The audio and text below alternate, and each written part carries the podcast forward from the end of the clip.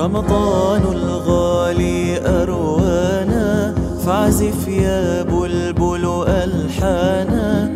لحنا بالبهجة يغمرنا ويؤجج فينا النيران. السلام عليكم ورحمة الله وبركاته. بارك الله فيكم. أذكركم بإخلاص النية لله تبارك وتعالى وأذكر نفسي الإخلاص إكسير العمل. لذلك دائما نذكر بعضنا البعض بهذا الشيء الحسن. باب في فضل قول لا إله إلا الله. بسم الله والحمد لله وصلى الله وسلم على رسول الله. أحبابي أفضل الذكر لا إله إلا الله. أفضل الحسنات لا إله إلا الله. هذه الكلمة الطيبة تدافع عن صاحبها يوم القيامة.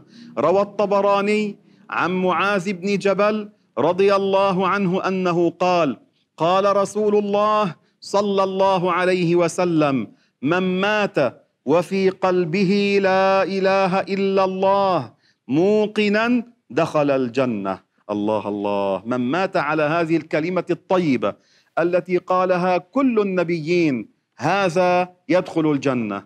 يعني موقنا مصدقا لم يقلها فقط باللسان فلا يكفي النطق بها من غير اعتقاد ولا يكفي اعتقاد من غير نطق. لا بد أن يجتمعا. وهنا فائدة كذلك. تقرن بها الشهادة الثانية. فلا يصح للدخول في الإسلام أن تنطق بالشهادة الأولى فقط. لا بد أن يتبعها الشخص بالشهادة الثانية. وروى البخاري ومسلم وغيرهما عن عبادة بن الصامت رضي الله عنه أنه قال سمعت رسول الله صلى الله عليه وسلم يقول من شهد أن لا إله إلا الله وأن محمدا رسول الله وأن عيسى عبد الله ورسوله وابن أمته وكلمته ألقاها إلى مريم وروح منه وأن الجنة حق وأن النار حق. أدخله الله الجنة على ما كان من العمل.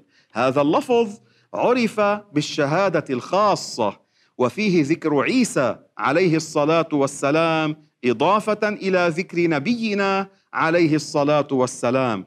ففيها أنك تشهد أن الله هو المعبود بحق وأن محمدا مرسل من عند الله صادق فيما يبلغه عن الله. وأن عيسى ابن مريم ليس ابنا لله إنما هو عبد الله رسول الله وهو ابن أمته مريم عليها السلام التي هي أفضل نساء العالمين. الله قال إن الله اصطفاك وطهرك واصطفاك على نساء العالمين. رضي الله عنها. ليست نبية إنما ولية صالحة أفضل النساء على الإطلاق. لا يوجد بين النساء نبيات. وخلق عيسى من غير أب لذلك نسب إلى أمه. عيسى ابن مريم ليس له أب صلى الله عليه وسلم. هذا أمر عجيب. لكن الأعجب آدم عليه السلام خلق من غير أب ومن غير أم. وعيسى كلمة الله التي ألقاها إلى مريم هو البشارة التي بشرت الملائكة بها مريم عليها السلام جبريل عليه السلام وبشرها بأنها ستحمل بعيسى عليه السلام. هذا معنى كلمة الله التي ألقاها إلى مريم. معنى مريم أي العابدة. هذه كلمة هذا الاسم ليس عربيا. مريم العابدة رضي الله عنها. وروح منه يعني سيدنا عيسى روح مشرف عند الله ليس معناه جزء من الله. الله لا يتجزأ الله ليس له أصل ولا فرع. الله تعالى ليس جسما مركبا ليس حجما بالمرة.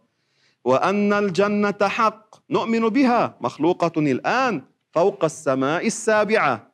وأن النار حق هي تحت الأرض السابعة نؤمن بها ونصدق بها. أدخله الله الجنة على ما كان من العمل. من واظب عليها كل يوم مرة. وإذا قلتها صباحا ومساء هذا خير عظيم بنية حسنة. بلفظ صحيح توفق لعمل الخيرات. هكذا قال العلماء. لذلك قال أدخله الله الجنة على ما كان من العمل. وروى الترمذي وابن حبان وغيرهما عن جابر بن عبد الله رضي الله عنه أنه قال سمعت رسول الله صلى الله عليه وسلم يقول أفضل الكلام لا إله إلا الله وأفضل الذكر الحمد لله. قال الحافظ ابن حجر هذا حديث حسن أفضل الكلام على الإطلاق لا إله إلا الله. أحسن الحسنات. هذه الكلمة تدافع عن صاحبها في القبر والآخرة. لا يخلد في النار من مات عليها. وأفضل الذكر على الإطلاق لا إله إلا الله. ثم يلي هذا اللفظ أذكار. منها الحمد لله سبحان الله الله أكبر. ومعنى الحمد لله أثني على الله أنا أمدح الله تبارك وتعالى الذي تفضل علي من غير وجوب عليه. لأن الله ليس عليه شيء يجب تبارك وتعالى. فأكثروا من الحمدلة ومن التهليله لا إله إلا الله. الحمد لله. باب في فضل قول لا حول ولا قوة إلا بالله. هذه الكلمة قيل عنها كنز من كنوز الجنة تحت العرش. كنز من كنوز الرحمن. لا حول ولا قوة إلا بالله. روى أحمد وغيره عن أبي أيوب الأنصاري رضي الله عنه. هذا أبو أيوب رضي الله عنه الذي أول ما نزل النبي في المدينة نزل عنده في بيته. رضي الله عنه أبو أيوب الأنصاري. عن أبي أيوب الأنصاري رضي الله عنه أن رسول الله صلى الله عليه وسلم ليلة أسري به مر على إبراهيم. الله تعالى جعل بعض الأنبياء يسبقون نبينا إلى السماوات ثم يرحبون برسول الله في كل سماء التقى بنبي. في السماء السابعة التقى بإبراهيم وهو أشبه الناس بنبينا عليه الصلاة والسلام وهو أفضل الأنبياء بعد نبينا محمد صلى الله عليهما وسلم. فقال له إبراهيم قال إبراهيم لنبينا مر أمتك فليكثروا من غراس الجنة. سماها غراس الجنة لأن الذي يقول هذه الكلمة الطيبة لا حول ولا قوة إلا بالله. تغرس له شجرة في الجنة ساقها من ذهب. في كل مرة تقولها بنية حسنة بلفظ صحيح. قال له مر أمتك فليكثروا من غراس الجنة فإن تربتها طيبة وأرضها واسعة. الجنة أكبر مخلوق خلقه الله تعالى من حيث الحجم بعد العرش أكبر من جهنم بكثير. جهنم أمام الجنة كبقعة صغيرة. لذلك الجنة أوسع المخلوقات حجما سقفها عرش الرحمن أوسع منها. فاذا ثاني أكبر مخلوقات الله حجما الجنة. الله يدخلنا الجنة بسلام. فقال وما غراس الجنة؟ قال لا حول ولا قوة إلا بالله. قال الحافظ ابن حجر حديث حسن. وروى البخاري ومسلم عن أبي موسى رضي الله عنه أن رسول الله صلى الله عليه وسلم قال له يا عبد الله بن قيس ألا أدلك على كلمة من كنوز الجنة؟ قل لا حول ولا قوة إلا بالله. وجاء في أحاديث أخرى عن رسول الله صلى الله عليه وسلم فيها زيادة لفظ العلي العظيم وفي أحاديث زيادة العزيز الحكيم. ولكن تنبهوا أحبابي البعض يقولها بطريقة فاسدة يتغير المعنى. يقولون لا حول الله من أمر الله لا يقال هذا. معناها كأنه يقول لا قوة لله.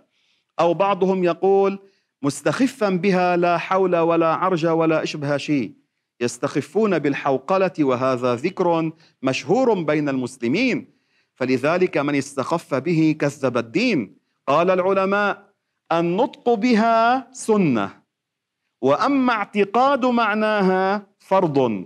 من معاني لا إله إلا الله. كان سيدنا عبد الله بن مسعود رضي الله عنه مع نبينا عليه الصلاة والسلام. فقال سيدنا عبد الله لا حول ولا قوة إلا بالله. قال له عليه الصلاة والسلام أتدري ما معناها؟ فقال الله ورسوله أعلم. فقال له لا حول عن معصية الله إلا بعصمة الله. ولا قوة على طاعة الله إلا بعون الله. لا تستطيع أن تبتعد عن الحرام إلا إذا أعانك الله حفظك الله عصمك الله من هذا الحرام. ولا قوة تجعلك تطيع الله إلا إذا خلق الله فيك القدرة والعون على طاعته. هذا معناه. وهذا يا أحباب من معاني لا إله إلا الله. ثم فائدة أخيرة. الحوقلة من واظب عليها ورد في الحديث فيها شفاء من تسعة وتسعين داء أقلها الهم. من منا ليس عنده هم؟ نسمع بالهم والغم. هذا يا أحباب إن أكثرت من الحوقلة بإذن الله يذهب عنك. وكذلك الذي أصيب بالوسواس يكثر من الحوقلة وأقل الإكثار ثلاثمائة مرة. أكثروا منها وكذلك الاستغفار. فقد قال عليه الصلاة والسلام من لزم الاستغفار جعل الله له من كل هم فرجا ومن كل ضيق مخرجا ورزقه الله من حيث لا يحتسب. فأكثروا من الاستغفار ومن الحوقلة لله تعالى والسلام عليكم ورحمة الله وبركاته.